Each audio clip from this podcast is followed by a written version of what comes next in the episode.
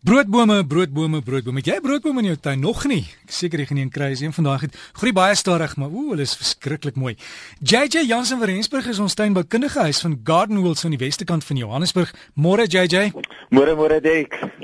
JJ, hierdie broodbome, is dit nou die wat lisensies nodig het of nie?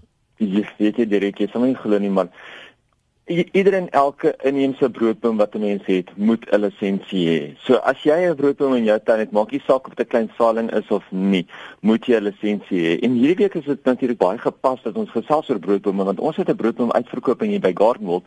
Maar dit gaan nie net oor hier by ons nie, dit gaan oor algemene vrae wat mense altyd wil weet oor broodbome. Eerste van die eerste van alles wat mense altyd vra is, moet ek 'n broodboom in vol son plant? En die antwoord is ja vir die meeste.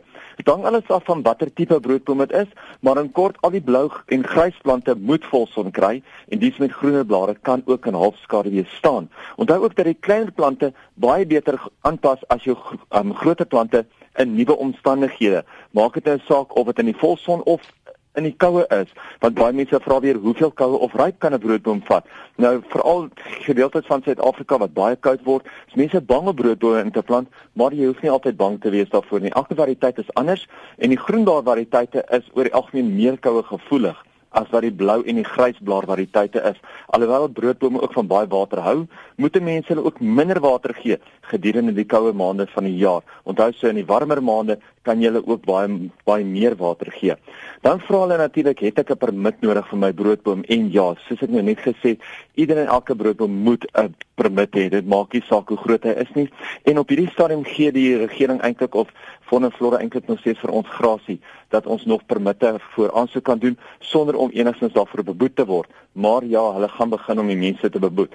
Nou, die laaste vraag wat ek baie kry is wat is die waarde van my broodboom? Jy weet nou, dit is nie iets wat mense uit die vuis uit kan antwoord nie. Dit hang alles af van die tipe broodboom, hoe vinnig hy groei en ook hoe skaars hy is. Beste sou wees om natuurlik die boom te identifiseer en dit dan verder te vat.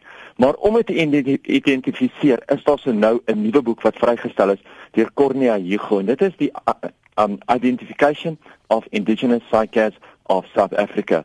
En dit is die mees omvattendste nuutste boek oor broodbome. Dit is soos 'n klein ensiklopedie oor die verskillende broodbome met fotos van die broodbome van verre af, van naby af, van hoe die blare lyk. Jy weet dit is altyd lekker om ook 'n nuwe boek bietjie te bemark. En dit is nou een van die nuwe boeke wat as jy enigstens 'n broodboom vers, broodboom versamelaar is, entoesias is of dalk net bietjie meer wil leer oor jou eie broodbome, gaan kyk bietjie na hierdie nuwe boek Identification of Indigenous Cycads of South Africa en hy skryf deur Cornea Hugo.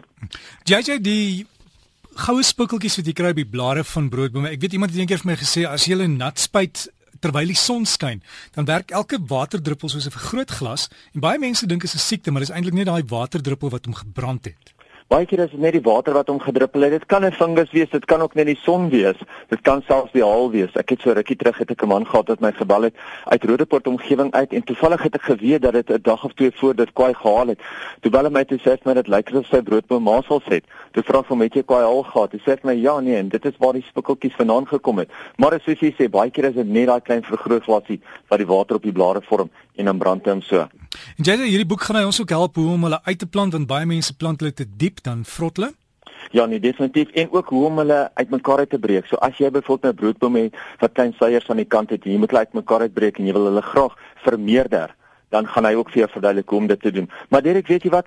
Ek dink jy kan vir ons 'n vraag vra en gee ons sommer een van hierdie boeke weg. Hoe gaan ons dit doen? Ek ek sê wat jy, ek dink die mense kan net vir jou e-pos, dan kan jy besluit. Hoe's dit?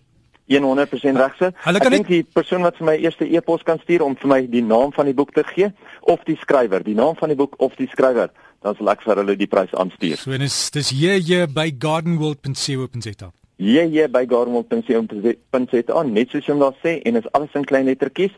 Net gou-gou voordat ek aflei wil ek net vinnig sê vir die van julle wat daarvan hou om julle eie groente van saad af te kweek, is dit nou die tyd om jou koolgewasse soos byvoorbeeld jou kool, jou winterblomkool, jou blomkool te saai en dan natuurlik ook, ook jou wortels, ertjies, witwortels en spinasie. Ons sê jy jy sal ook as jy nou daai wenner het net vir my die naam gou deurstuur, né? Ek gaan dit net so maak. As jy sê jou e-pos is dan jy by gardenworld.co.za en as jy meer inligting soek, gaan kyk by die webtuiste gardenworld.co.za en JJ ook algemene vrae. Vra maar, die ou is 'n lopende biblioteek en hy het al daai antwoorde wat jy soek en lekker tuin maak.